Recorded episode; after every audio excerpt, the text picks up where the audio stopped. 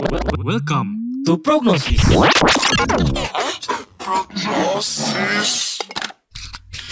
Gunakan headphone untuk sensasi yang menakjubkan.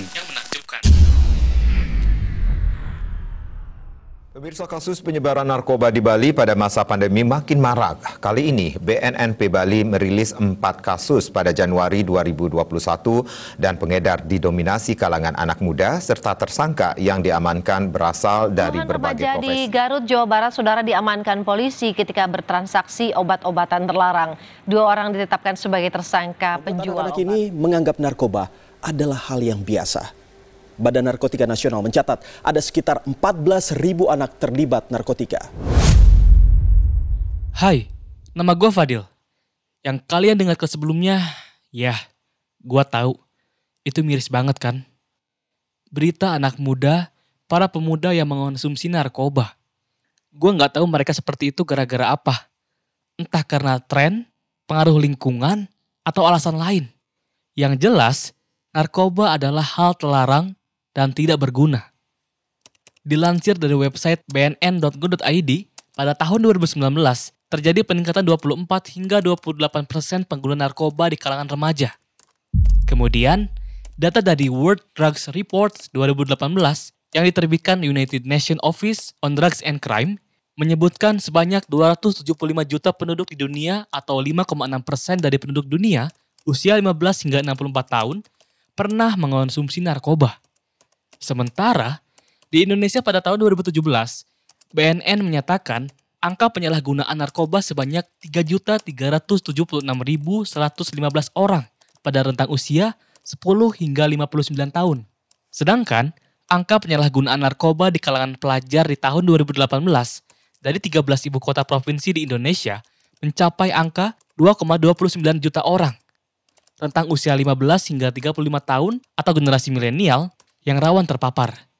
Kalian pasti pusing kan mendengarkan angka yang semerawut? Ya, sesuai. Semerawut dan mengkhawatirkan. Oke, bicara tentang anak muda dan narkoba. Gua anak muda. Apakah gua menggunakan narkoba? Tentunya enggak. Boro-boro narkoba. Gua tiap kali harus minum obat pas lagi sakit, gua selalu nggak tahan sama rasa pahitnya. Uh, sok-sokan pakai narkoba. Mungkin kalian pernah mendengar tentang narkoba dapat meningkatkan kreativitas. Secara awam, ini logis. Anak muda menggunakan narkoba untuk meningkatkan kreativitas, mampu berkarya, dan berinovasi. Masuk akal kan? Tapi, apa itu benar? Dilansir dari Salt Demetrovics, seorang peneliti dari Edfors Lauren University Hungaria, dia dan timnya melakukan uji coba berkaitan dengan adakah kaitan antara narkoba dengan kreativitas. Tapi pada nyatanya ia tidak menemukan keterkaitan di antara keduanya. Jadi sudah jelas kan jika penggunaan narkoba di kalangan anak muda dengan tujuan meningkatkan kreativitas itu tidak terbukti. Lantas, untuk apa semua itu? Oke lah, jika di luar sana stigma narkoba untuk kreativitas itu masih berhembus, tapi harus diingat, kita, terutama anak muda, tentu bisa kok berkarya tanpa menggunakan narkoba. Tanpa ketergantungan narkoba. Bisa banget. Gimana caranya? Jawabannya adalah, ya berkaryalah dengan sesuai potensi, minat, bakat, dan hobi kita. Gak usah berpikiran, hmm, gua butuh narkoba nggak ya? Tapi berpikir, ah, buat apa narkoba? Gua pede kok sama karya gua. Hak kebebasan berekspresi ini harus dimanfaatkan dengan sepositif mungkin untuk berkarya. Contoh, gua adalah konten kreator. Gua berkarya menciptakan berbagai konten di sosial media termasuk podcast ini, dan gua nggak butuh narkoba dalam proses berkarya. Sampai jumpa di episode podcast gua selanjutnya. Gua Fadil, salam muda, salam berkarya. Kalian yang mendengarkan ini pun bisa. Semisal, kalian yang hobi bernyanyi bisa menyalurkan minat dan bakat kalian melalui cover lagu dan unggah ke YouTube. Kalian yang hobi menciptakan inovasi dalam bidang teknologi bisa membuat suatu produk hingga meraih apresiasi dan penghargaan. Terima kasih atas penghargaan ini. Saya sangat senang, saya sangat bangga dengan produk ini. Semoga dapat dinikmati oleh masyarakat luas. Terima kasih. Dan masih banyak lagi ladang berkarya sebagai ajang penyaluran positif dari anak muda. Jadi, perlukah kita narkoba? Ya, dari apa yang gue jelaskan sebelumnya, sudah tentu kita nggak perlu yang namanya narkoba, termasuk dalam berkarya. Daripada narkoba, lebih enak makan mie instan pakai telur di atasnya, dimakan pas lagi anget di depan layar laptop menemani brainstorming sebuah karya kalian. Bah, cemerlang. Katakan tidak pada narkoba. Katakan tidak pada narkoba. Katakan tidak pada narkoba.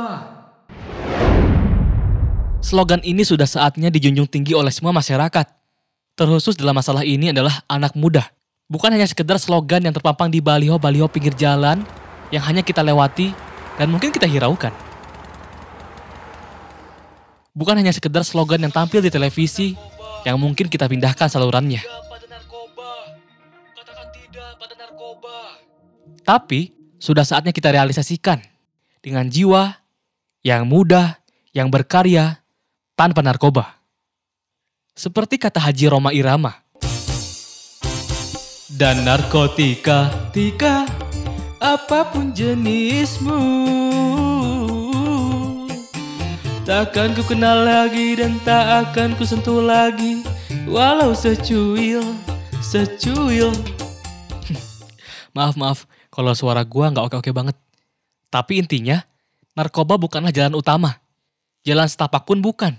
Bahkan, tidak lebih indah daripada sepanjang jalan kenangan. Gue yakin kalian nyanyi lagunya kan? Tapi kali ini gue serius. Lanjut.